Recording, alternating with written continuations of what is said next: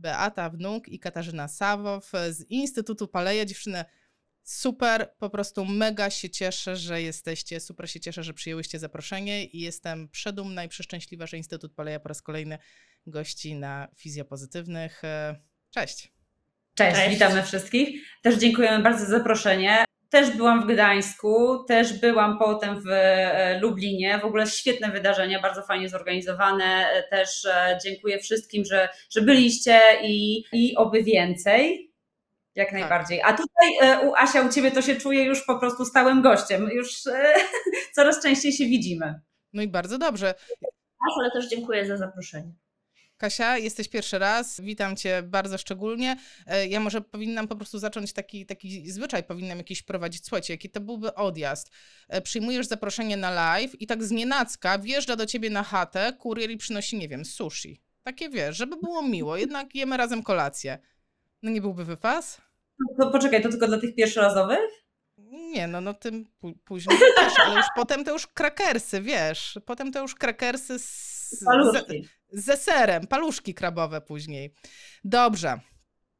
E, powiem tak, tutaj mi Marcin pisze, że mam się podgłośnić. To patrzcie, podgłaśniam się, już jestem głośniej. Nie? Już jestem głośniej. Mam nadzieję, że już jestem głośniej. Dobrze, dziewczyny, do portu, że tak powiem, jedziemy z tematem. Zaprosiłam właśnie Was, bo wiem, że w Instytucie Paleja no, w jakiś taki szczególny sposób podchodzicie do gipsowania i robicie to no, profesjonalnie i jest to elementem całości terapii. Czy może ja się mylę, może ja coś źle mówię, bo ja to tak postrzegam. E, o co chodzi z tym gipsowaniem? Do czego ono Wam służy i dlaczego właśnie u Was e, e, tak dużo tego robicie? Wiesz co, czy, szczególnie w instytucie, to się tak zastanawiam, czy, czy oby na pewno. Ja generalnie gipsuję jakieś już no, 10 lat będzie. Chyba takie pierwsze, pierwsze gipsy, które gdzieś tam na kursie zakładałam, to był 2012 rok, a tak już mocniej to od 2014 i potem e, przez różne techniki, przez różne e, rodzaje gipsowań przechodziłam, uczyłam się tego dość długo.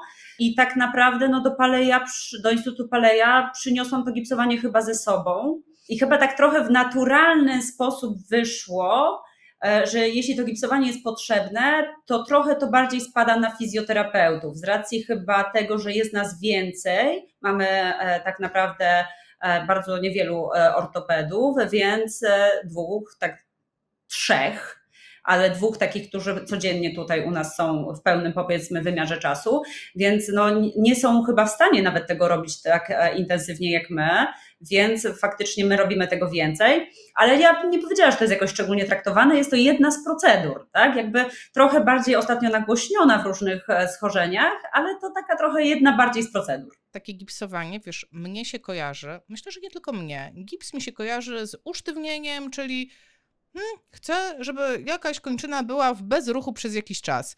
No to jak jest w bezruchu, no to jaki, jaki jest sens tego gipsowania? Wytłumacz, o co w ogóle chodzi, że chcemy wykorzystać gipsowanie no niejako dla ruchu, no ale unieruchamiając na jakiś czas tego pacjenta. To może ja powiem, ponieważ my czasem w fizjoterapii brakuje nam już e, środków, żeby wydłużyć tkanki te manualne metody czy, czy y, fizykalne metody nie, nie starczają nam do tego, żeby rozluźnić te tkanki. I gips nam daje taką e, możliwość, żeby po opracowaniu naszych rąk czy naszych, tych sprzętów, które dobieramy, zabezpieczyć ten zakres, który osiągnęliśmy w nowym wydłużeniu i utrzymać go do momentu następnej terapii, kiedy będziemy planować pracę właśnie z tą długością tkanek. Gips nam daje też tą możliwość, ponieważ pacjenta mamy cały czas pod kontrolą. To nie jest tak, że my zakładamy gips i odsyłamy pacjenta gdzieś do domu. E, mamy go codziennie pod kontrolą, ćwiczymy z nim też e, w tych gipsach, czyli Oczywiście jeden segment mamy unieruchomiony, ale pracujemy nad wyższymi segmentami. Pracujemy nad wyprostem kolana, pracujemy nad wyprostem biodra, pracujemy nad stabilizacją tułowia, nad tymi wszystkimi rzeczami, któremu danego, danemu pacjentowi ich brakuje. I musimy je wzmocnić u tego pacjenta. Mhm. Znaczy, wydaje mi się, że powinniśmy wyjść w ogóle od, od takiego, takiego basicu, tak? Że jakie mamy cele gipsowania, jakie mamy rodzaje gipsowania. Bo to, co Kasia mówi, to jak najbardziej tak, e, żeby rozciągnąć tkanki, z fizjologii wiemy, że one potrzebują tych 4 do 8 godzin w tej wydłużonej pozycji. To, to musi być długi proces, tak? Więc to, ten gips daje nam tą możliwość rozciągnięcia przykurczonych realnie tkanek I teraz tak, my sobie dzielimy gipsowanie na seryjne, gipsowanie hamujące. Są różne rodzaje gipsowania, chociażby metoda Ponsetiego, czyli metoda w wadzie stopy końsko-szpotawej. I w ogóle do różnych celów tych gipsów możemy używać, tak? Ale to, co Kasia powiedziała, to takie gipsowanie seryjne, które pomaga nam zlikwidować przykurcz, odbudować zakres ruchu i potem w aktywnościach, jak już zdejmiemy ten gips, robimy tą serię gipsowań, e, skorzystać z tego większego zakresu ruchomości i uruchomić. I też jeśli zdejmiemy już e, ten gips i mamy ten zakres, no to coś za tym musi dalej iść, tak? Nie, nie zostajemy tylko na poziomie struktury. I też nie odsyłamy pacjenta od razu po zdjęciu gipsu, tylko po takim seryjnym gipsowaniu pacjent jest jeszcze parę dni, e, czy tam no, tydzień najczęściej pod naszą opieką, żeby wzmocnić mięśnie w nowym zakresie ruchu, tak jak Beata Słuchajcie, a ja mam takie pytanie, no bo tak słucham, dobrze, ja sobie tak to wyobrażam w głowie. Czyli e, w cudzysłowie, rozćwiczyłam jakąś część ciała, czyli tu i teraz w trakcie terapii zwiększyłam ruchomość, bierną przypuszczam. I w tym momencie zależy mi, żeby ta ruchomość dotrwała mi, w cudzysłowie, do następnej terapii. To czy ja nie mogę po prostu dać ćwiczeń temu pacjentowi do domu albo założyć mu ortezę? Muszę gipsować? Wiesz co, ale no jak dasz ćwiczenia, jak położy się spać i noga wraca do swojego, załóżmy noga, tak, czy tam ręka wraca do swojego zakresu, więc to, to, to się nie sprawdzi, no bo ćwiczenia wykonujesz tylko przez jakiś tam e, e, mały czas, krótki czas w ciągu, do, w ciągu doby. E, założyć ortezę, czy możesz? Teoretycznie tak i są takie redresyjne ortezy, natomiast gips przez to, że nie da się go ściągnąć, znaczy nie tylko przez to, gips ma jakieś cudowne właściwości, e, być może, ja się zastanawiałam wielokrotnie, dlaczego tak jest, ale być może dlatego, że jest objęcie kończyny czy segmentu ciała z każdej strony, daje to jakieś czuciowe rozluźnienie, być może, to jest jakaś tam moja teoria w głowie, i dzięki temu może bardziej się faktycznie ten segment rozluźnia, mięśnie się rozluźniają i pozwalają na uzyskanie tego biernego zakresu ruchu. Plus jednak trochę wierzę w to, że pacjent w domu tego nie może zdjąć. A jak nie może zdjąć, no to na pewno to będzie te 24 godziny na dobę, a ortezy jednak zawsze można zdjąć, nie? A tak z doświadczenia jeszcze się podpytam, e, jak pamiętasz pracę, zresztą Kasia, e, ty też, jak pamiętacie tą pracę, e, że tak powiem, z epoki sprzed gipsów, no bo pewne rzeczy się nie zmieniają. Chcesz zwiększyć zakres ruchu, próbujesz różnych technik, rozciągasz. To jakbyście miały porównać e, tą epokę sprzed gipsów, e, z różnych względów, e, dla których nie gipsowałyście, a teraz z gipsowaniem, to tak z własnego doświadczenia, dużo lepsze efekty? Nie wiem, da się to określić, nie wiem, w procentach, w jakiś sposób? Myślę, że w procentach się nie da określić, ale zdecydowanie wcześniej w epoce przed gipsami było więcej frustracji, że nie możemy sobie poradzić z tym zakresem ruchu, że po prostu nam nie starcza środków do tego, żeby utrzymać to, co wypracowaliśmy podczas terapii. Tak naprawdę pacjent potrafił wyjść i po 15 minutach po wyjściu z gabinetu już nie korzystał z tego zakresu ruchu. Teraz to się o tyle zmienia, że jeżeli mam pacjenta na seryjnym gipsowaniu i stopniowo, stopniowo mu zwiększam ten zakres ruchu, to potem też widzę zmianę we wzorcu, który, z którego pacjent, pacjent korzysta. Nawet po takich dłuższych gipsowaniach jest zmiana w takim e, ułożeniu. Jak pacjent się położy na, e, na leżance i przed gipsowaniem ma stopy ustawione do środka, a ja chcę je skorygować na zewnątrz, to też one się już po gipsowaniu korygują. Wiesz co, e, to trochę tak jakbyś porównywała, jak było, jak nie było ortez, nie? Jak, jaka to była epoka. E, ja bym, ja bym powiedziała tak, e, w tej chwili, jak trafia do nas dziecko z mózgowym porażeniem, tak, dajmy na to, bo takich pacjentów mamy chyba, ja przynajmniej mam najwięcej w gipsowaniu, ale nie tylko takich mamy, to, to jeśli trafia do nas do ośrodka i trafia z przykurczem, zgięciu podeszwowym stopy, to nasi ortopedzi zawsze mówią, idźcie najpierw do fizjoterapeuty. I jak wrócicie do mnie z tym samym problemem za dwa miesiące, to będziemy dyskutować, co zrobić dalej, nie?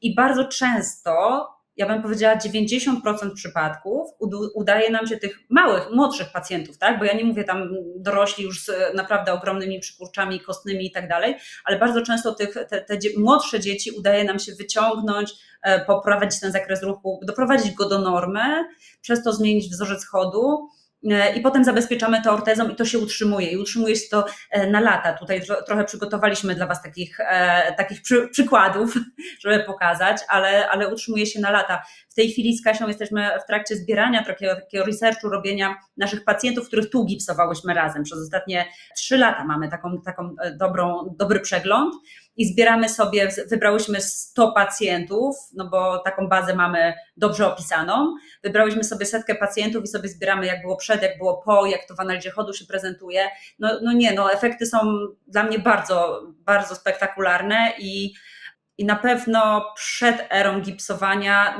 ja nie byłam w stanie czegoś takiego osiągnąć, zawsze czegoś brakowało, nie? Patrz, a rzucam takie, rzucam, niska piłka leci, uwaga. A gipsowanie ma dobre EBM, czy to jeszcze nie wiemy? ABM ma dobre. EBM ma dobre i to ma dobre w, w mózgowym porażeniu dziecięcym, w dystrofii ma dobre EBM. Ja napisałam e, swego czasu artykuł, on jest u mnie na stronie beatawnuk.pl w artykułach o gipsowaniu i tam dałam trochę tych przeglądów. Ale to był dłuższy czas temu, to było parę lat temu, więc, e, więc szczerze mówiąc e, nie aktualizowałam od tamtego czasu, bo to mogło być tak z 5 lat temu ale EBM ma dobre. No dobrze, a powiedziałyście o czymś takim jak gipsowanie seryjne, czyli rozumiem, że seryjne, dlatego że ono musi iść seriami, bo rozciągam, gipsuję, czyli tak jakby w podtekście utrwalam. Znowu rozciągam, znowu utrwalam, znowu rozciągam, znowu utrwalam. Dobrze o tym myślę? Wiesz co, tak, dobrze o tym myślisz. Jak, jak wiesz co, przygotowałyśmy te slajdy, one nam trochę tak pomogą, jakbyś mogła to udostępnić, pomogą nam troszkę, żeby wam w ogóle zwizualizować, o czym mówimy żebyście w ogóle zdali sobie sprawę, że gipsem da się zrobić tak naprawdę bardzo dużo, tak? Seryjne gipsowanie, gipsowanie hamujące. My potrafimy łuski gipsowe zrobić na stopy, na ręce. To są krótkie gipsy podudziowe, to są gipsy na całe kończyny dolne. Tu jest takie, wybrałyśmy takie zdjęcie z całymi kończynami dolnymi zagipsowanymi.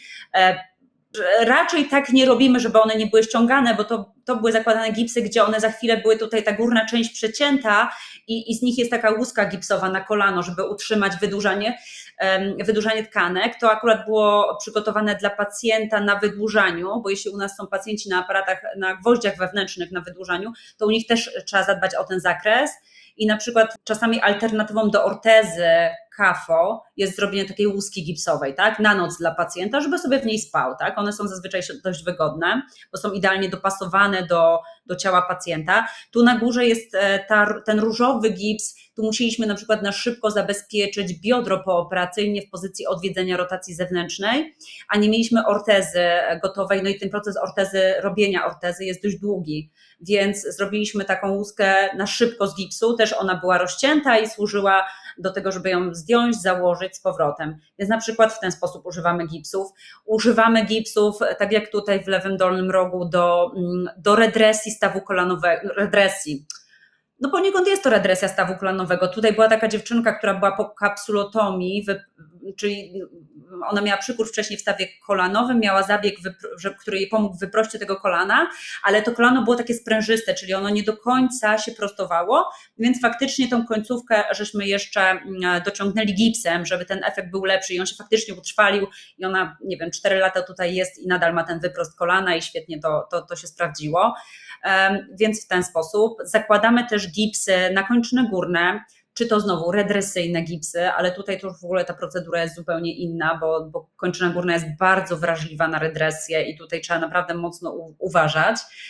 Um, zakładamy do terapii wymuszonej koniecznością, plus tutaj na dole ta malutka nóżka i, i ta um, fioletowo-różowa, to, to na przykład są łuski gipsowe, tak? Czyli na przykład do zabezpieczenia nocnego, do utrzymania zakresu ruchomości. I, I, to są różne przypadki, bo ta na przykład malutka nóżka to jest hemimelia, tak Kasia? Tak, to jest hemimelia strzałkowa, dziecko, które było w gipsowaniu seryjnym najpierw, a potem jak zakończyliśmy ten proces e, gipsowania seryjnego i uzyskaliśmy e, zakres zadowalający, to, to jest malutkie dziecko. Ona była gipsowana od czwartego tygodnia życia do e, przez 5 tygodni, 6 i potem no, wykonanie ortezy dla tak małego dziecka, raz, że jest kosztowne, a dwa, że dziecko rośnie w takim tempie, że ciężko jest zrobić ortotykę taką e, dla, dla, dla takiego malucha.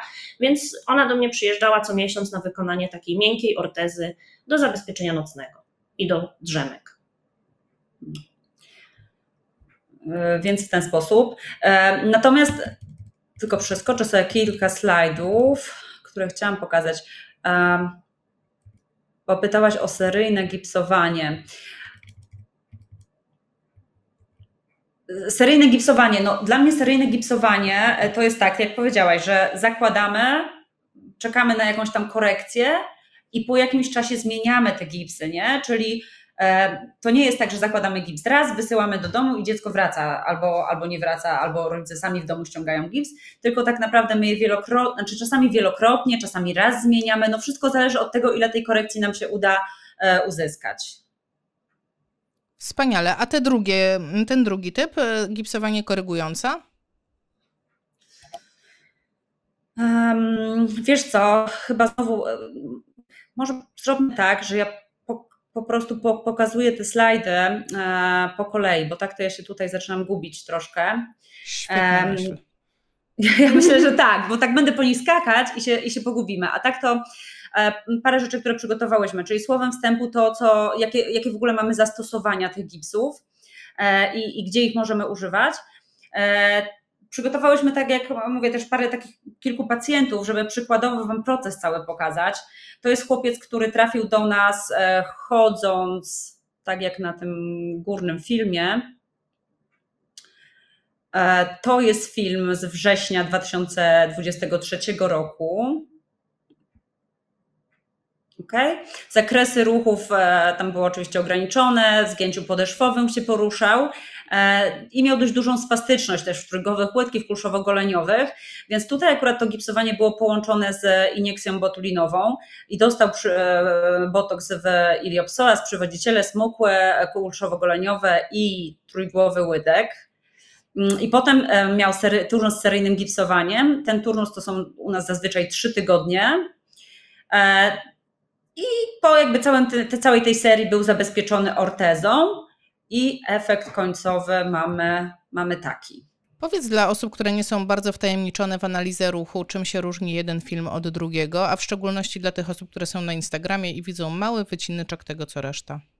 Okej. Okay. No, chłopiec, który chodzi na górze, idzie na górze, to, bo to nawet nie jest analiza ruchu, to jest wideoanaliza tak de facto, czyli e, to, to chyba widać dość mocno, że tutaj idzie zupełnie na palcach, e, szczególnie w prawej kończynie dolnej, to zgięcie podeszwowe jest duże, w ogóle nie obciąża e, pięty, zgięcie kolana u niego widać też mocne, zupełnie w, w zasadzie w żadnej fazie, nawet w terminal stensie nie ma wyprostu kolana, a po tym, po tym całym leczeniu, czyli e, podaniu toksyny botulinowej i potem po gipsowaniu uzyskaliśmy w zasadzie kontakt e, całą stopą z podłożem, no i uzyskaliśmy wyprost kolana, więc to, to jest dla nas ważne. E, uzyskaliśmy też lepszą pozycję miednicy, aczkolwiek tutaj na filmie jest to ciężko zauważyć. My oczywiście mamy jego analizę chodu 3D, więc wtedy na wykresach można, można lepiej to ocenić, ale, ale tutaj to tak naprawdę widać, najbardziej widać to, że obciąża całe stopy i że uzyskany jest wyprost kolana. Wspaniale. Paweł pisze, że me mega efekt. E, tak. E, I jakby to jest na przykład badanie. Ja, ten slajd, ja wiem, że tu jest Asia dużo, nie krzycz na mnie, ale to jest po to, żeby po prostu uzmysłowić Wam, ile my robimy badań pomiarów zakresu ruchu, zwykłych pomiarów zakresu ruchu, bo my u takich dzieciaków nie badamy tylko stawu skokowego, my tylko, tylko przykładamy ten goniometr wszędzie, do stawu skokowego, kolanowego, do stawu biodrowego, badamy rotację, badamy wszystko. I tu są jego zakresy, te, te dwa pierwsze, prawa, lewa noga, to jest um, przed wszystkimi interwencjami, potem e, 25 wrzesień to jest tylko po botoksie, a potem jest po botoksie i gipsach, bo też chcieliśmy zobaczyć, jaki będzie wpływ samego botoksu, a jaki będzie wpływ botoksu i potem gipsów.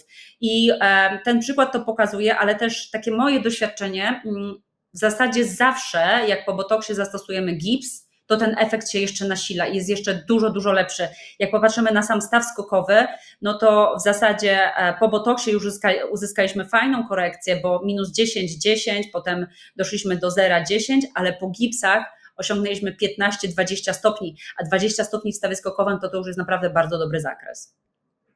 Więc to chciałam pokazać. Oczywiście mierzymy też napięcie mięśniowe u takich dzieciaków, siłę mięśniową, więc my robimy pełne badanie kliniczne, nagrywamy wideo, wideo, E, jeśli nam się uda, to robimy też, a często się już w tej chwili udaje, robimy też pełną analizę ruchu 3D, żebyśmy faktycznie mieli obiektywny osąd tego, co było i co jest.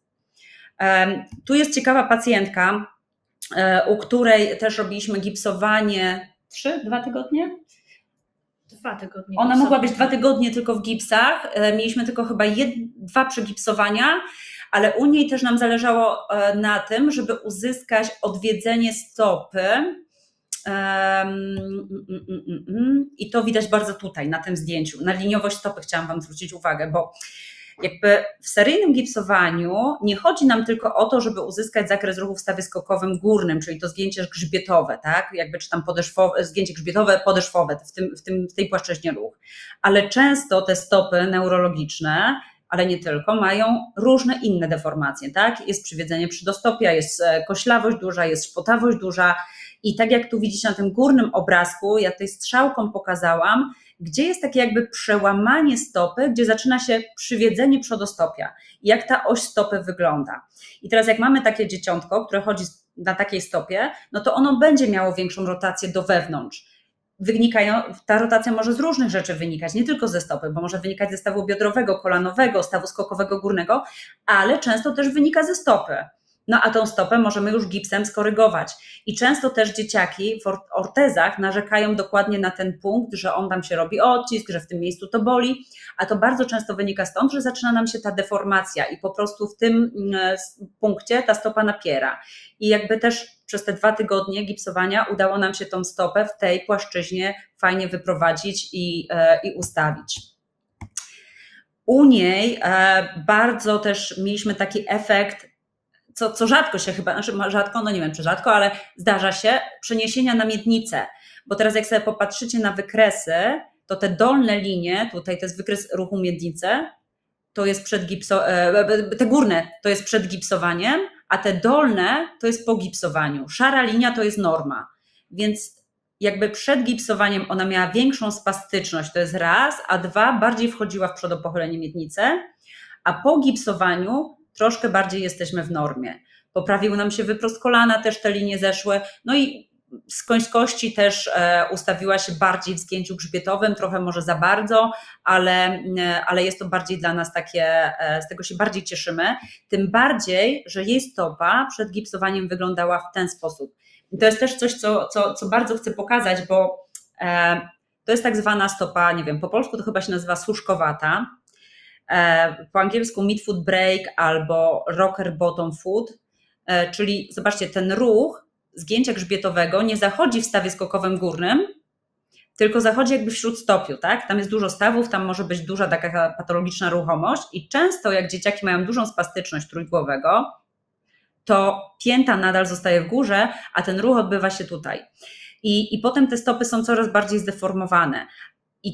To też czasami, no, Udaje nam się to też gipsem wyprowadzić, tak jak tutaj to widać. To jest w ogóle stop, stop klatka, jak ona idzie, przed gipsowaniem, po gipsowaniu. To nie jest zdjęcie tej nogi, tylko to jest, zatrzymałam ją po prostu na filmie w mid-stensie i zrobiłam mm, stop klatkę, zdjęcie mm, e, przed gipsowaniem i po gipsowaniu, więc widać jak ta stopa się zmieniła w trakcie tego ruchu i też uzyskaliśmy oczywiście wyprost kolana, no bo to e, gdzieś tam e, na to wpływa.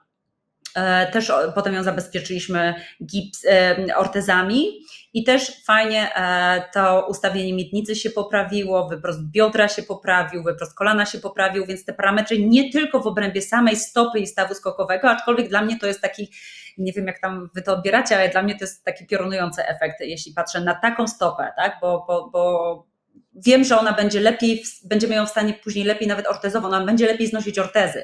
To też jest istotne, że po gipsowaniu te ortezy jakby łatwiej dzieci akceptują, no bo nie są takie bolesne na przykład. A ja mam takie pytanie, wiesz, może takie bardzo laickie bym powiedziała, ale tak, gipsowanie, dwa tygodnie padł termin, przerzucę nas e, na wywiad. E, mm, gipsowanie, dwa tygodnie, rozumiem, to dziecko jest w tych ortezach. Czy to znaczy, że przez dwa tygodnie ono po prostu leży? No nie, zdecydowanie nie.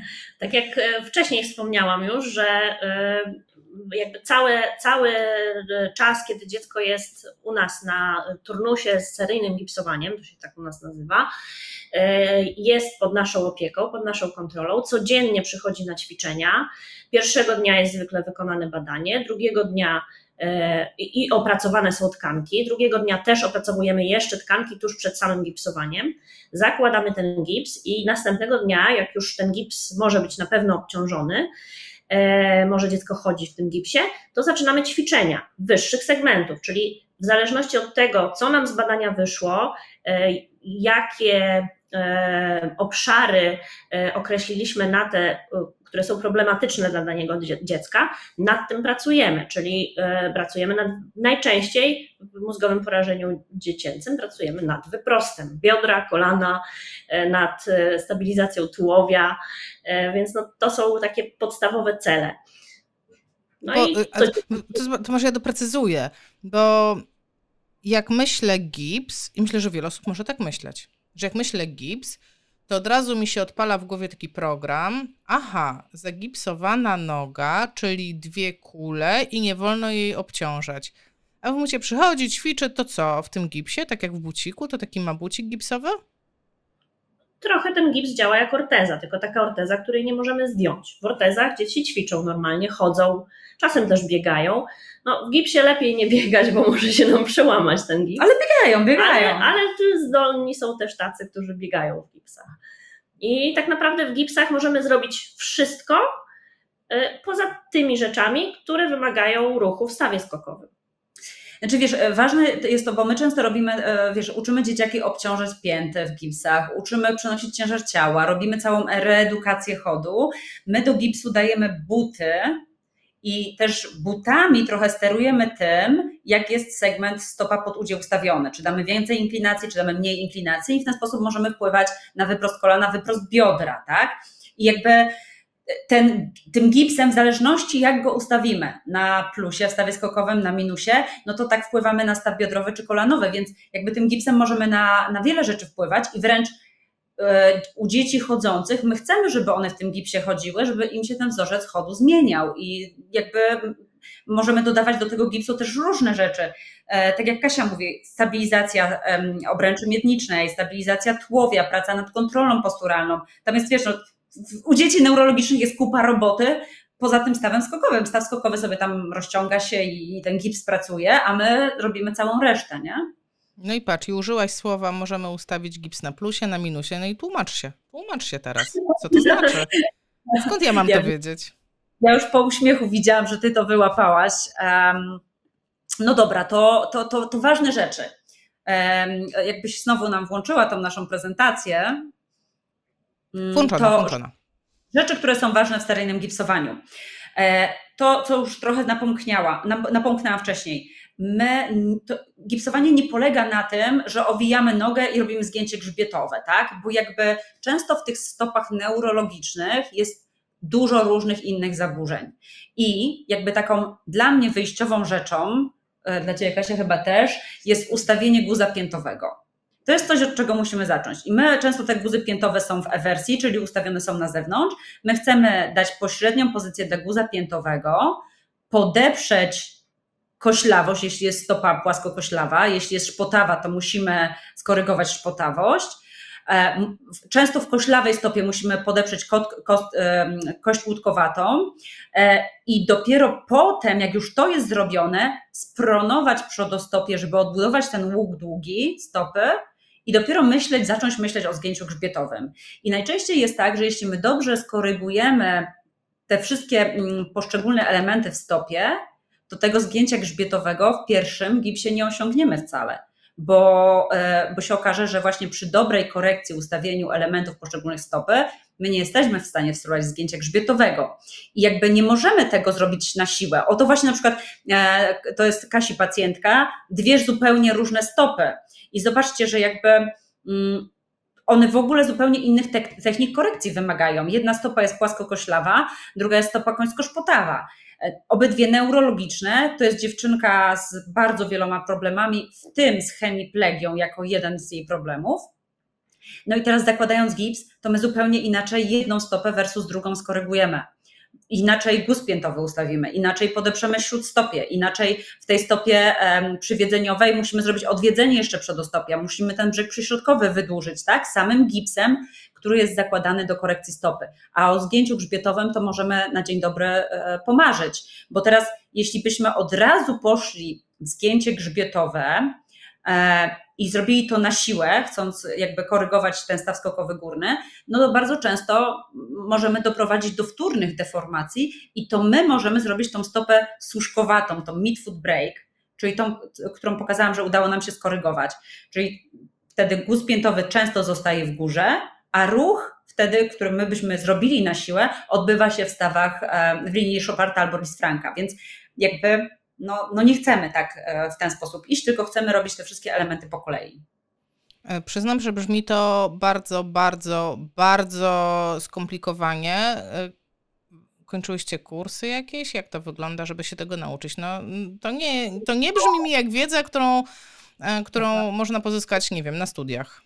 Jakby, wiesz co, jakby do, do samego tego, do, do tej korekcji stopy przełączysz na chwilę na nas, to, to, to, bo chcemy pokazać to na takiej stópce.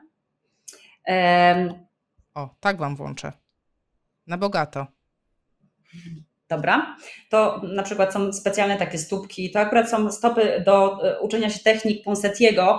E, widziałam, że tam padło jakieś pytanie o stopę końsko-szpotawą, ale e, my nie chcemy dzisiaj zupełnie ruszać technik Ponsetiego, bo to jest zupełnie inny rozdział. Dzisiaj sobie mówimy o seryjnym gipsowaniu hamującym i tak naprawdę my chyba dużo technik wprowadziłyśmy mm, korekcji stopy po właśnie kursu, kursie, kursie Ponsetiego, gipsowania metodą Ponsetiego, bo zobacz, no taka stopa, która jest w ten sposób ustawiona, e, mamy guz piętowy do środka skierowany, to teraz tak, ja ten guz piętowy muszę sobie skorygować, skorygować muszę ustawienie przodostopia i dopiero wtedy rotację zewnętrzną i dopiero wtedy mogę to gips, mogę gipsować. Nie wiem, czy to tak jakoś dobrze widać, mam nadzieję, że tak, ale te elementy koryguje na stopie. Jedna osoba, bo to dwie osoby zawsze się gipsuje, nie? Jedna musi, jest odpowiedzialna za tę korekcję, druga, um, druga też, ale jakby ona wtedy używa tego e, opatrunku gipsowego i wykonuje to, to gipsowanie. Ta osoba, która e, e, koryguje też jest, no jakby obydwie są super ważne, tak? One muszą się super ze sobą zgrywać, żeby taką korekcję zrobić. I teraz ja pokazuję to na, mm, e, na takim modelu do Ponsetiego gipsowania, ale w MPD trochę inaczej, Natomiast ważne jest, żeby te wszystkie elementy e, też w MPD dołożyć, czy w jakichkolwiek innych zaburzeniach w obrębie stopy, ponieważ jak ja bym chciała tutaj od razu korygować, o, albo ten możemy wziąć jeszcze ten kości. Tak. Jeśli chciałabym na przykład, zobaczcie, jeśli chciałabym na przykład taką stopę, to jest końsko-szpotawa, końsko-szpotawe ustawienie i jak ja bym chciała ją skorygować bez sprowadzenia guza piętowego w dół, no to właśnie bym zrobiła coś takiego, że ten ruch by się odbywał a na tej stopie nawet się nie do końca tak da, ale odbywałby się pewnie gdzieś tutaj i zrobiłaby nam się taka właśnie wygięta stopa suszkowata. Czyli ja naprawdę muszę najpierw ten guz ustawić i zrobić odwiedzenie przodostopia, ustawić tutaj, zabezpieczyć łuk podłużny, podeprzeć. W stopie końsko-szpotawej w metodzie Ponsetiego w ogóle są wypisane, jakby określone dokładnie kroki i mobilizacje, sposób w jaki powinniśmy to robić e, podczas gipsowania. I tak, obydwie z Kasią kończyłyśmy kurs Ponsetiego. E, a gipsowania takiego seryjnego uczyłyśmy się chyba, ja się uczyłam sama. Tak naprawdę ja się uczyłam sama.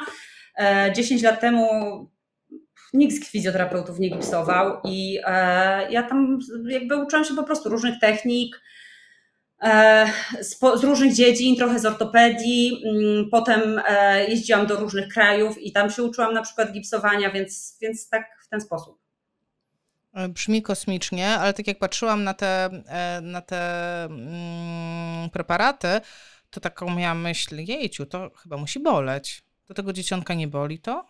Właśnie nie. Znaczy, zało, znaczy założeniem samej metody Ponsetiego, czyli takiego e, e, gipsowania seryjnego przy deformacji wrodzonej stopy, jest e, to, żeby ta manipulacja była bezbolesna. Dlatego te gipsowania są tak częste, tak często się zmienia gips. To się zmienia raz na tydzień albo nawet dwa razy w tygodniu i to jest bardzo mała, stopniowa korekcja. W gipsowaniu ponsetim zmienia się gipsowanie trwa 4 do 6 tygodni, czasem dłużej, jeżeli jest potrzeba. Nawet 6 do 8. Nawet, tak, 6 do nawet 8. 6 do 8.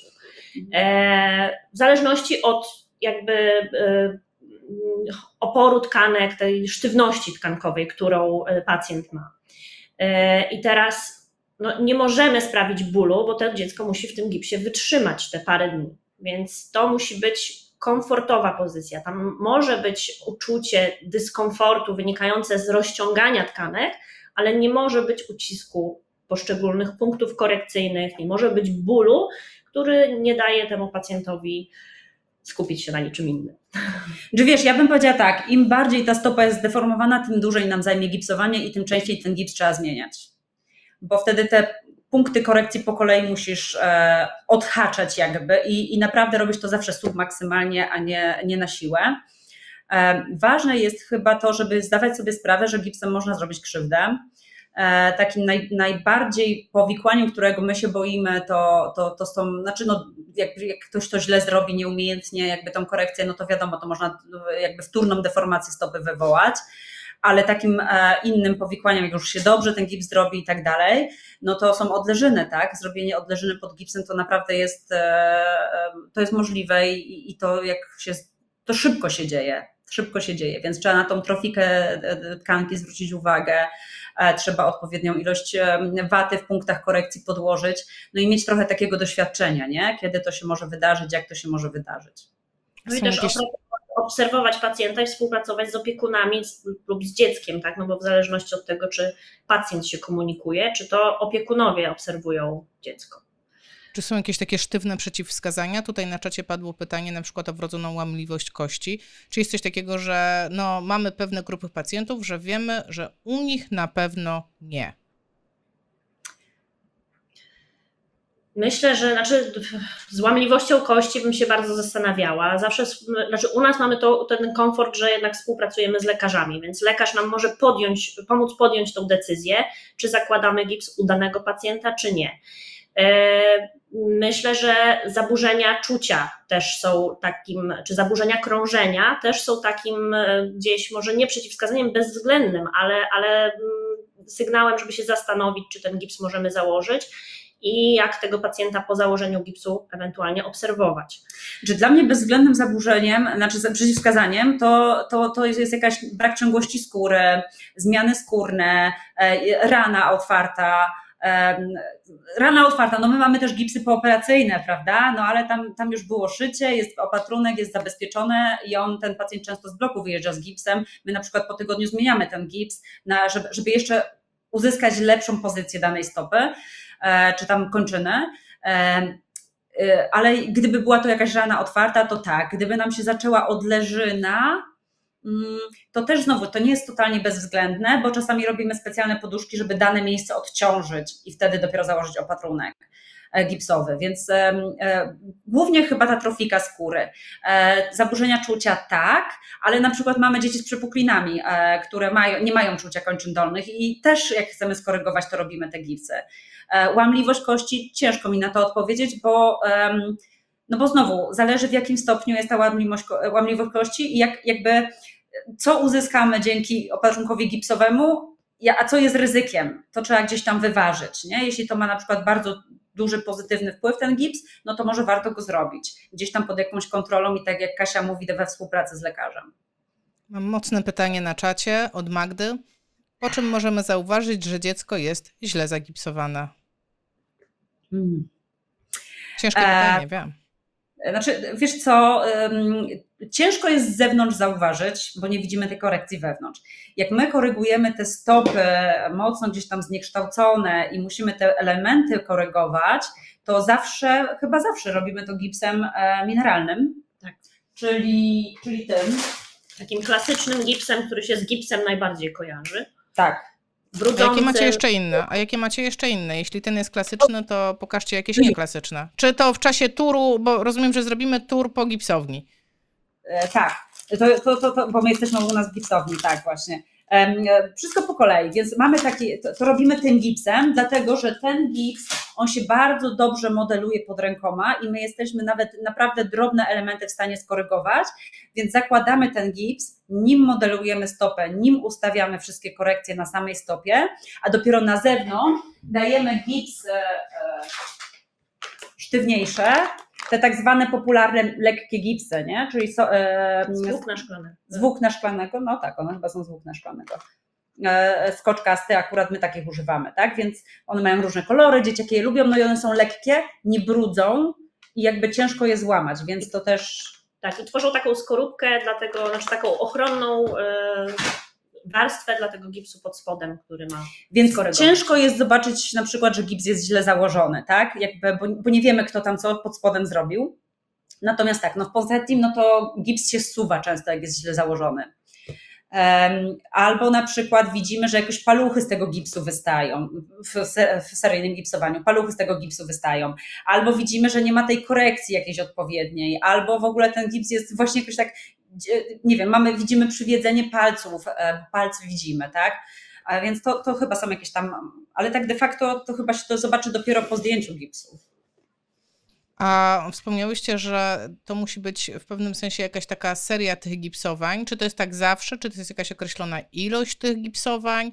Czy mogą być sytuacje, że a, zagipsowałam raz, e, dobra, i wystarczy, fajnie, mamy efekt, no to idziemy dalej czy to, ile tych gipsowań będzie, to tak naprawdę decyduje potencjał tkanek do rozciągania.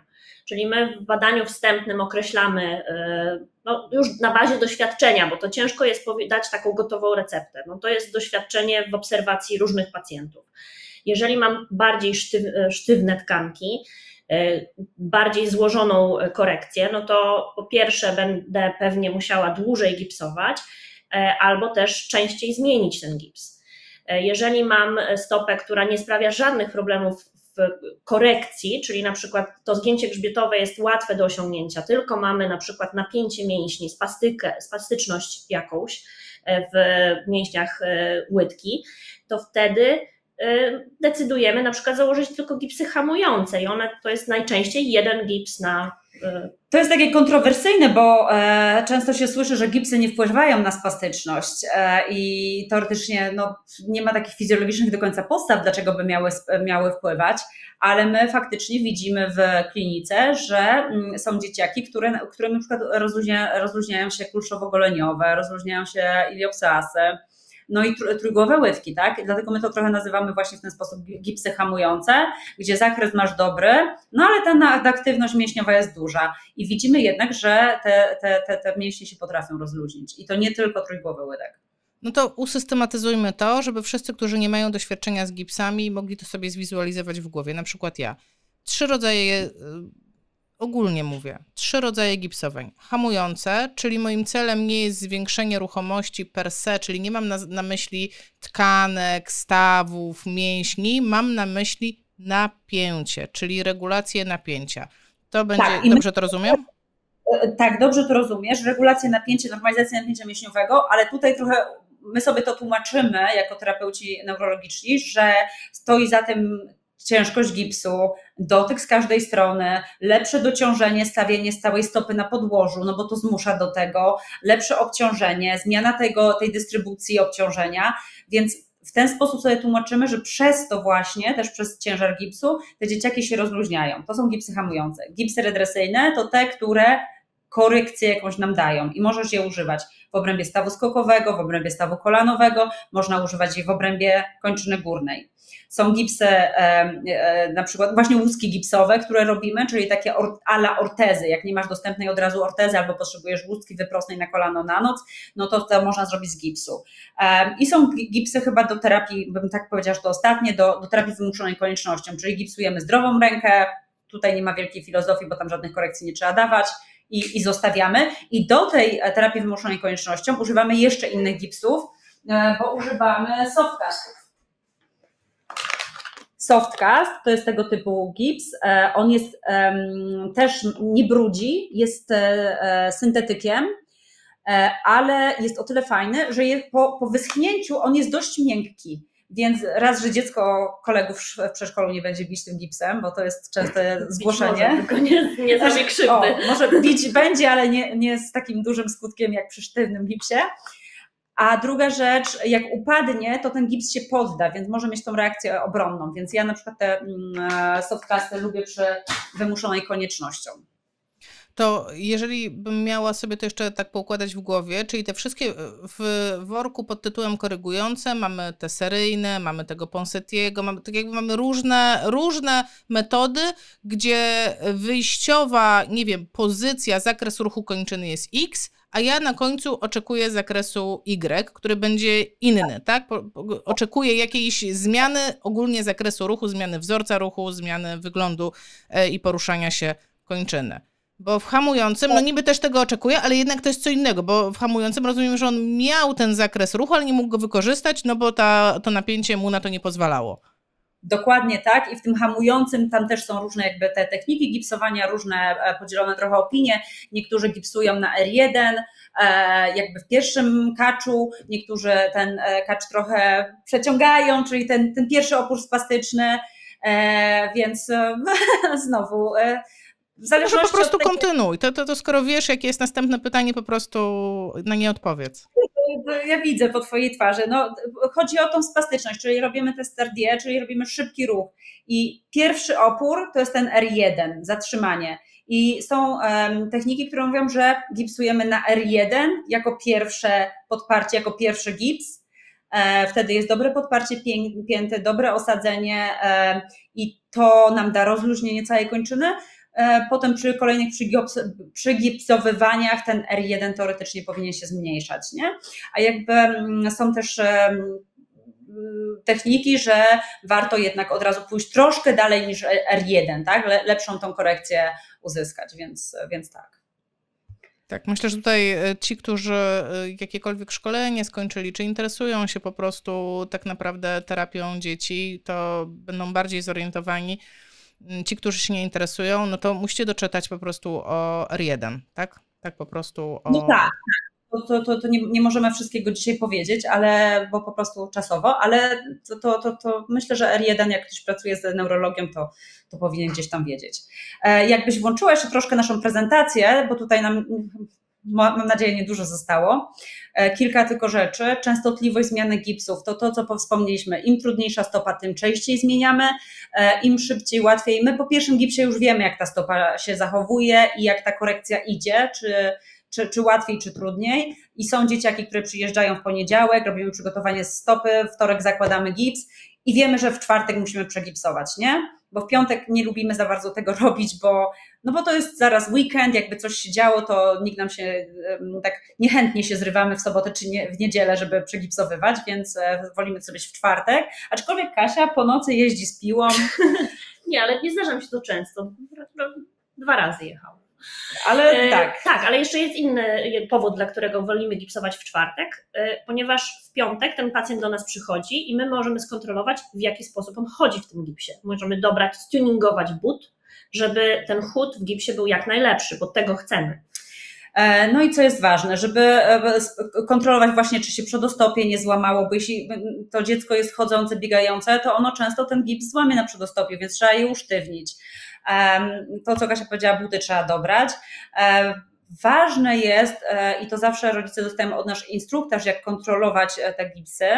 Mm, ważne jest te, te pierwsze dwie, trzy godziny, kiedy gips schnie, syntetyczny, bo on tak mocno się obkurcza, więc ważne jest, żeby sprawdzać przepływ e, kostny, kostny przepływ krwi, naczyniowy. naczyniowy, odpływ naczyniowy, czyli patrzymy, jak te palce się zachowują, jak one wyglądają, czy mają dobry koloryt robimy taki test nacisku, czy ta krew e, dobrze powraca, szybko. Dobrze by było, gdyby palce były odsłonięte w gipsie, tak jak na tym górnym rysunku, aczkolwiek nie zawsze się tak u dzieci biegających, chodzących udaje, dlatego że one wtedy szybciej łamią te gipsy, więc robimy mm, czasami tak jak jest na dolnym rysunku, czyli jeśli ten gips jest dookoła, to on jest sztywniejszy i trudniej jest go złamać. I lepsze mamy te siły reakcji podłoża, żeby wyprostować kolano poprzez gips. Więc czasami mm, robimy je dookoła, czasami tak ładnie wytniemy, więc w zależności od tego, jak dziecko funkcjonuje. No i to, co powiedziałyśmy, dziecko ćwiczy, chodzi w gipsach, wzmacniamy tłów, obrącz miednicę, pracujemy nad wyprostym odwiedzeniem, jakby wszystkie te rzeczy związane z reedukacją chodu. Nie zawsze, mm, czasami możemy, gipsujemy bez użycia toksyny botulinowej, nawet w sumie dość często i nawet jest ciekawa praca o toksynie botulinowej. Ona jest, znajdziecie ją u mnie na grupie e, e, o toksynie botulinowej i gipsach. Znajdziecie ją u mnie na grupie rozmowy o MPD po godzinach. Tam jest taka zakładka i, i jest dość, e, dość ciekawa praca na temat gipsowania. Co, co działa lepiej, czy na przykład gipsy z botoksem, czy gipsy same, więc to zachęcam do przeczytania. No i po zdjęciu gipsów, jeśli uzyskamy ten prawidłowy, lepszy zakres ruchomości, no to fajnie, żeby to dziecko zostało i żeby reedukować ten zakres ruchomości, no bo nie, nie wzmocnimy mięśnia w tydzień, ale jak najbardziej możemy chociażby zaktywować ten mięsień i my często używamy elektrostymulacji po, um, po gipsowaniu, czyli ten ostatni tydzień, jak dziecko zostaje, to wprowadzamy elektrostymulację, żeby w ogóle dać impuls do e, układu nerwowego, że ten mięsień jest i że on może zadziałać, bo teraz ma ten zakres ruchomości. Tutaj mamy pytanie od Krzysztofa w MPD. Samo gipsowanie, czy jednak z botuliną gipsowanie? Czy e, dodaje od siebie, czy może po prostu to zależy? Zależy, bo jak jest ten chłopiec, którego pokazałyśmy na samym początku, no to u niego trzeba było ten botoks podać, ale często e, robimy to bez, e, bez botoksu e, i też mamy bardzo dobre efekty. I tak jak mówię, trochę odsyłam do tego artykułu, bo jest ciekawy wniosek z niego. E, dla mnie takie super, to co jest super ważne dla nas tutaj, e, żeby te dzieciaki oceniać przed IPO, żebyście oceniali swoje własne efekty takich działań, tak? Bo jeśli my gipsujemy dziecko, to chcemy zobaczyć, jaki uzyskaliśmy, jaki uzyskaliśmy efekt. Więc e, jeśli jest dostępna analiza chodu 3D, to super. A ty udostępniasz, Asia, jeszcze ten, tą moją prezentację? Nie. A, A tu powinnam udostępnić? Bardzo proszę. Bo tutaj jeszcze pokażemy parę rzeczy.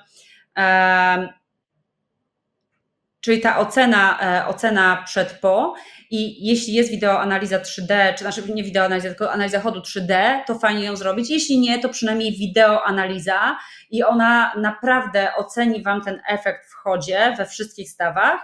Jesteście w stanie sobie zobaczyć, pokazać rodzicowi, przedyskutować, co tym pisem udało się zrobić, czego się nie udało zrobić więc e, dobrze jest też zmierzyć zakresy ruchomości, zmierzyć e, napięcie mięśniowe i faktycznie to ocenić i potem porównać po takim, e, po takim cyklu, tak? U nas to jest turnus trzytygodniowy najczęściej i, i fajnie po tym cyklu jest porównać, żebyśmy wiedzieli, co się udało, co się nie udało i jakby, mm, żebyśmy byli rzetelni też wobec siebie, prawda? Bo ja czasami słyszę o takich przypadkach, że dziecko miało założone gipsy, wysłane do domu i rodzice mają sami zdjąć. No to jakby dla mnie to się trochę mija z celem, bo jak kto to ma ocenić, co tam było lepiej, czy, czy było w ogóle lepiej.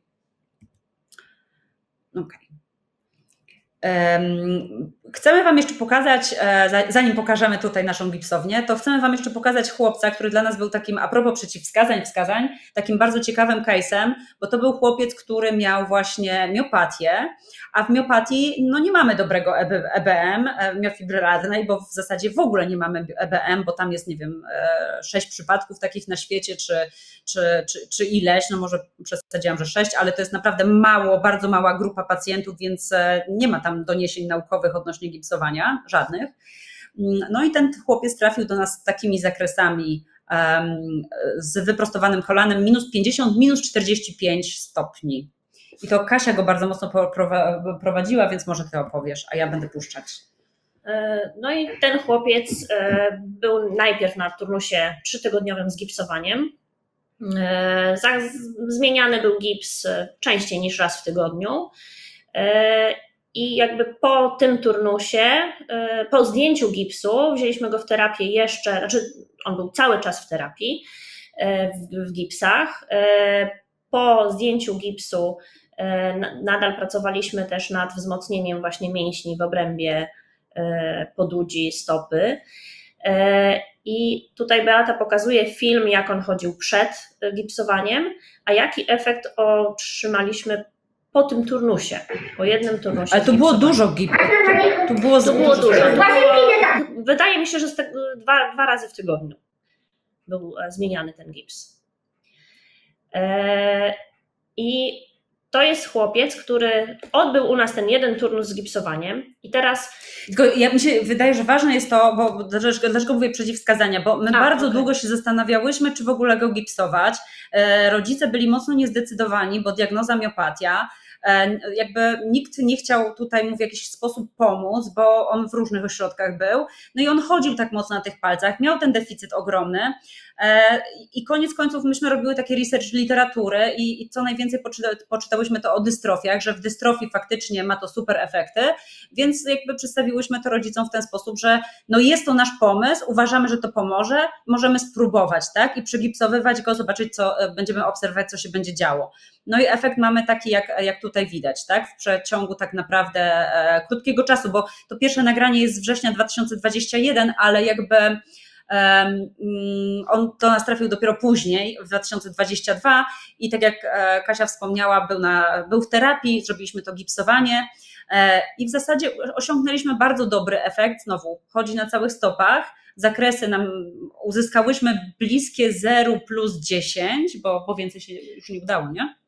Znaczy tam tak, jedna stopa jest słabsza, druga y, ma trochę lepszy zakres. On jest zabezpieczony ortezami. Co ważne też, po takim y, turnusie steryjnym gipso, znaczy to jest ważne, żeby zabezpieczyć y, stopy po takim leczeniu. To znaczy, my zakładamy ten gips, pracujemy jeszcze przez tydzień z pacjentem po zdjęciu gipsu, ale potem też chcemy kontynuacji tej terapii, czyli e, najczęściej dajemy rodzicom zalecenia, jak pracować mogą albo oni sami, albo fizjoterapeuci w miejscu zamieszkania, ale też właśnie dajemy zaopatrzenie ortopedyczne e, na dzień, jeśli trzeba na noc dodatkowo i to dziecko jest cały czas zabezpieczone. E, u niego on nie nosi teraz dziennych ortez, prawda? Tak, to jest chłopiec, który raz na jakiś czas wraca do nas na taką kontrolną e, wizytę albo kilka dni i e, od tamtego czasu, kiedy odbył ten turnus z gipsowaniem, udaje się ten zakres utrzymać. On się nie pogarsza, mimo że rośnie, mimo że tkanki się i tu, ma, tu wam, e, ostatni film to jest listopad 2023, więc zobaczcie, to jest ponad rok, bo mm, pierwszy ten turnus, to gipsowanie było kwiecień 2022, tutaj jest listopad 2023, no i ten zakres jest utrzymany. Jakby on używa tylko nocnych ortez do zabezpieczenia tego zakresu. Więc jakby zupełnie z tego pierwszego filmu, gdzie chodził na palcach z przykurczem 50 stopni zgięcia podeszwowego, jest na całych stopach i, i zdecydowanie ten e, chód jest bardziej ergonomiczny i wydolny.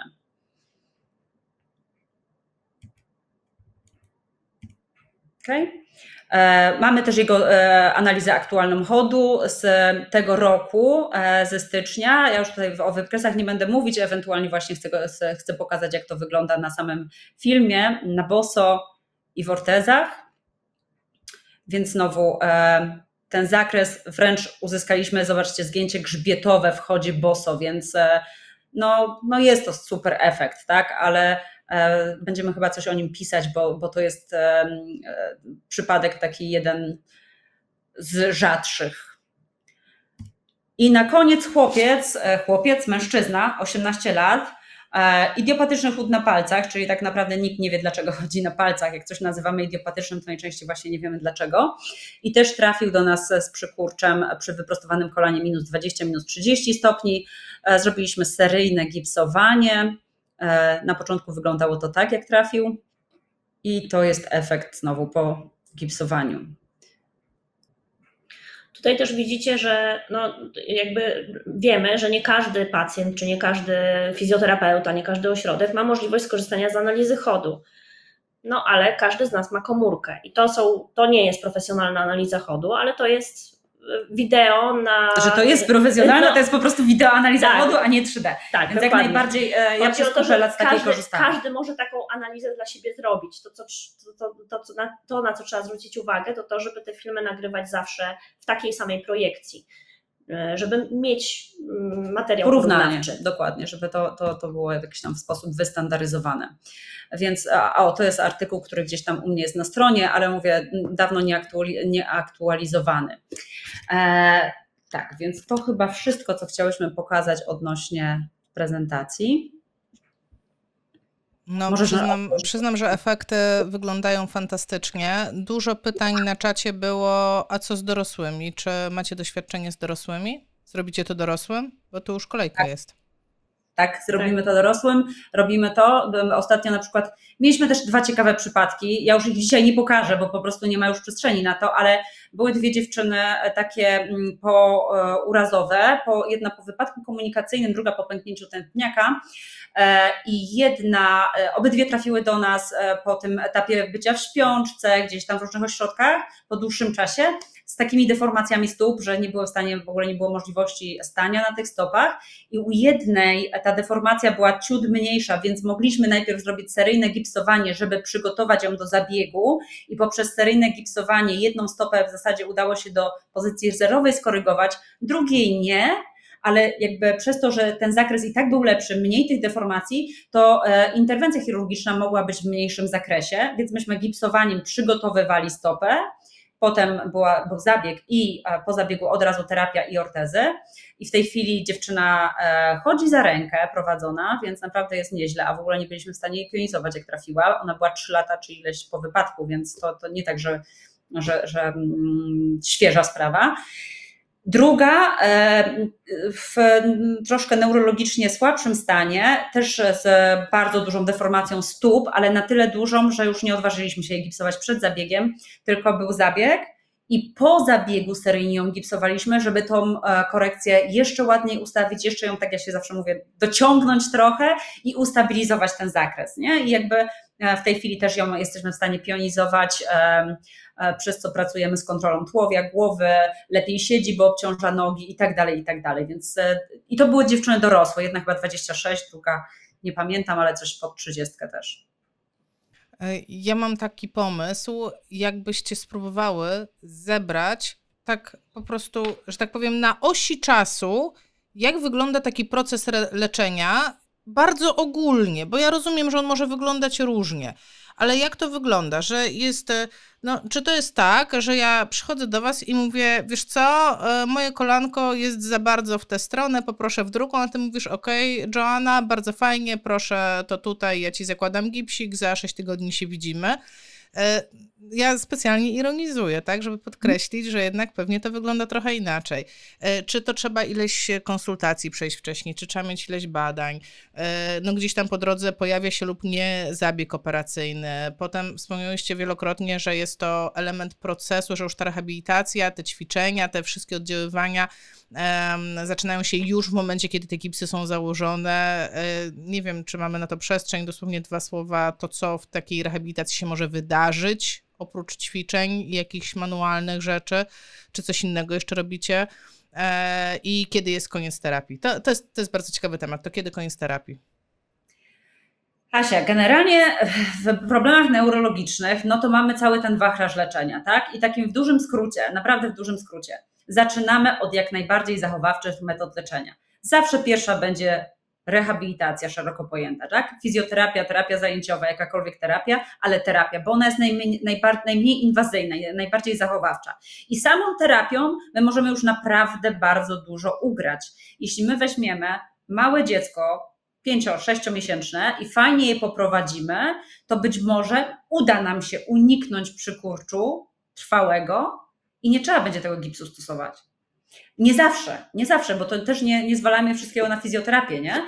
Czasami to zaburzenie jest tak duże, że się nie da uniknąć, albo coś, czegoś, jakiegoś elementu w terapii czy e, całościowym leczeniu zabrakło, no i rozwinął się ten przykurcz i trafia do nas trzylatek, tak jak trafił do nas chłopiec, który o, to w sumie nawet dobry, dobra rzecz jest, żeby to jeszcze raz Wam pokazać, um, tą prezentację, znowu do niej wrócić, bo trafił do nas chłopiec trzyletni, który był pokierowany, e, jak możesz znowu włączyć, to, to, to by było dobrze, to ten chłopiec, który trafił do nas pokierowany na podcięcie, na wydłużenie ścięgna Achillesa.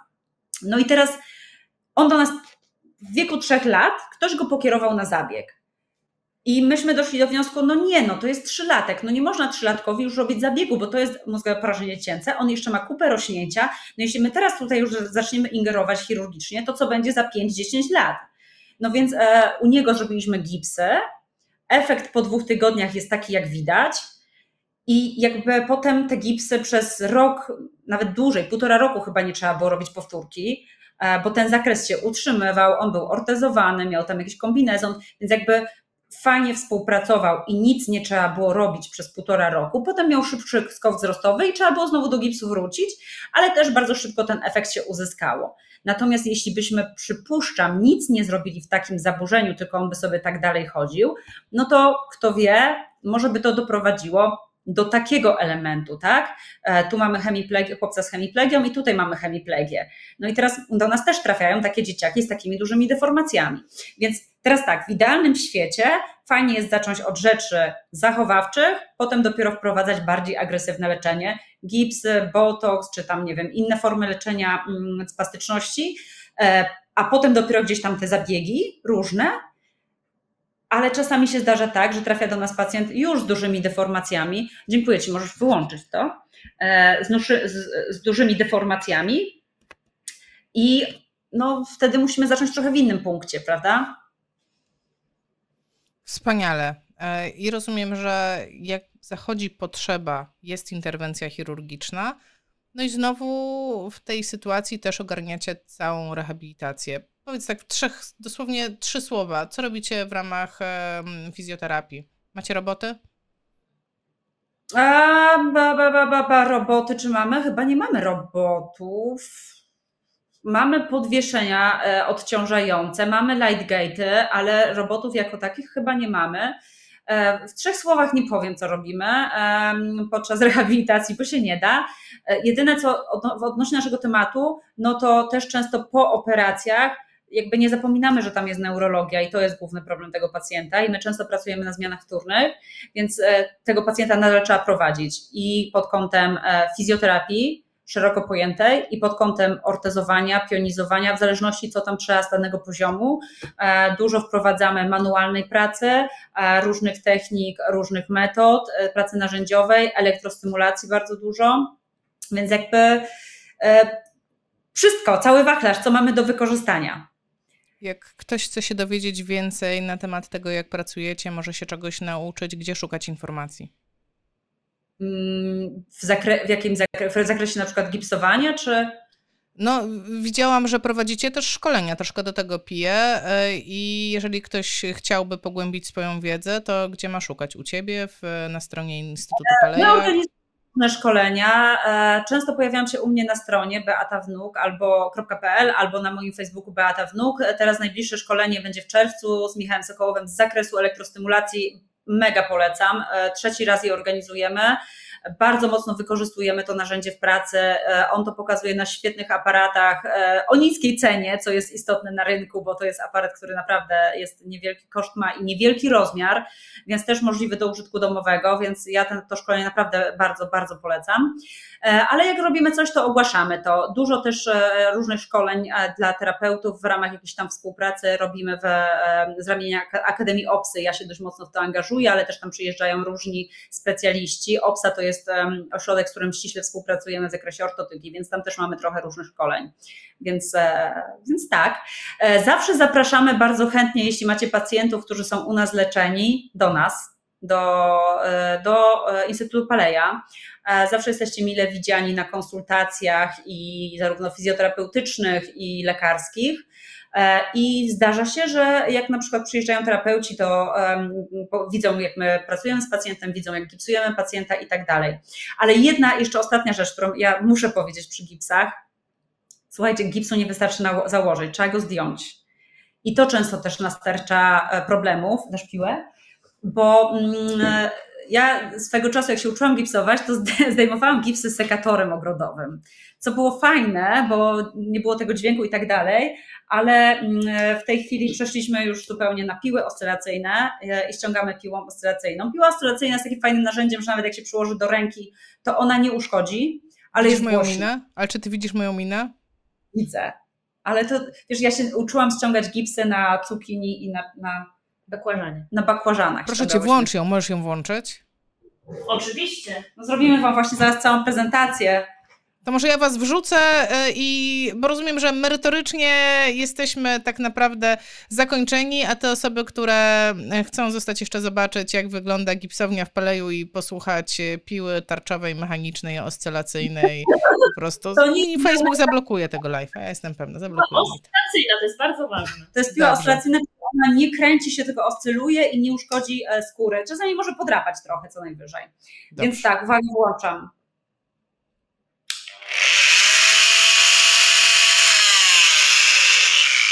Więc tak działa piła, my e, ściągamy gipsy piłą. Mamy jeszcze jedną piłę fajniejszą. Często dzieciakom zakładamy słuchawki podczas ściągania. E, lepszym patentem nawet są słuchawki z, z Bluetoothem, więc po prostu dostają sobie słuchawki z Bluetoothem, słuchają sobie swojej muzyczki albo tam oglądają bajkę i to jest fajnym patentem. Mamy też jeszcze jedną piłę. Kasia, możesz jakby tą piłę tutaj zaprezentować, która jest fajniejsza, bo ta piła nie kurzy, ona jest z odkurzaczem. Mam ją podłączyć? Nie, już tam może nie podłączajmy, bo, bo dźwięk ma podobny, ale... To chodzi... Ona jest trochę cichsza właśnie, ale y, to, co ma fajne, to to, że tutaj zaraz przy tarczy jest odkurzacz, który zaciąga cały ten pył z gipsu. Hmm. Więc, e, więc to, jest, to, to jest fajne, bo ten pył jest taki, że on się wszędzie wbija i na ubranie nam ucieka i, i wbija nam się do, do skórę. Ja mam na przykład trochę uczulenia na gips, więc to jest niefajne. E, no a tak to właśnie, mamy, tak wygląda mniej więcej nasza gipsownia, mamy ten blad roboczy ze zlewem tutaj od razu z, bo musimy mieć dostęp do wody, różne rodzaje gipsów, właśnie tam Kasia tutaj układa, mineralne, syntetyczne, te twardsze, te miększe. Mamy próbnik kolorów na przykład i wzorów dla, dla, dla pacjentów, e, więc mogą sobie od razu kolory powybierać, jakie te gipsy by chcieli mieć. Tejpów, takich z dolnej półki powiedzmy, e, używamy do, e, do, wykańczania, do wykańczania gipsu i to się naprawdę bardzo fajnie sprawdza. No właśnie też mamy tych trochę modeli do gipsowania, e, więc, więc w ten sposób. Dla pacjentów też stworzyliśmy mm, ulotki,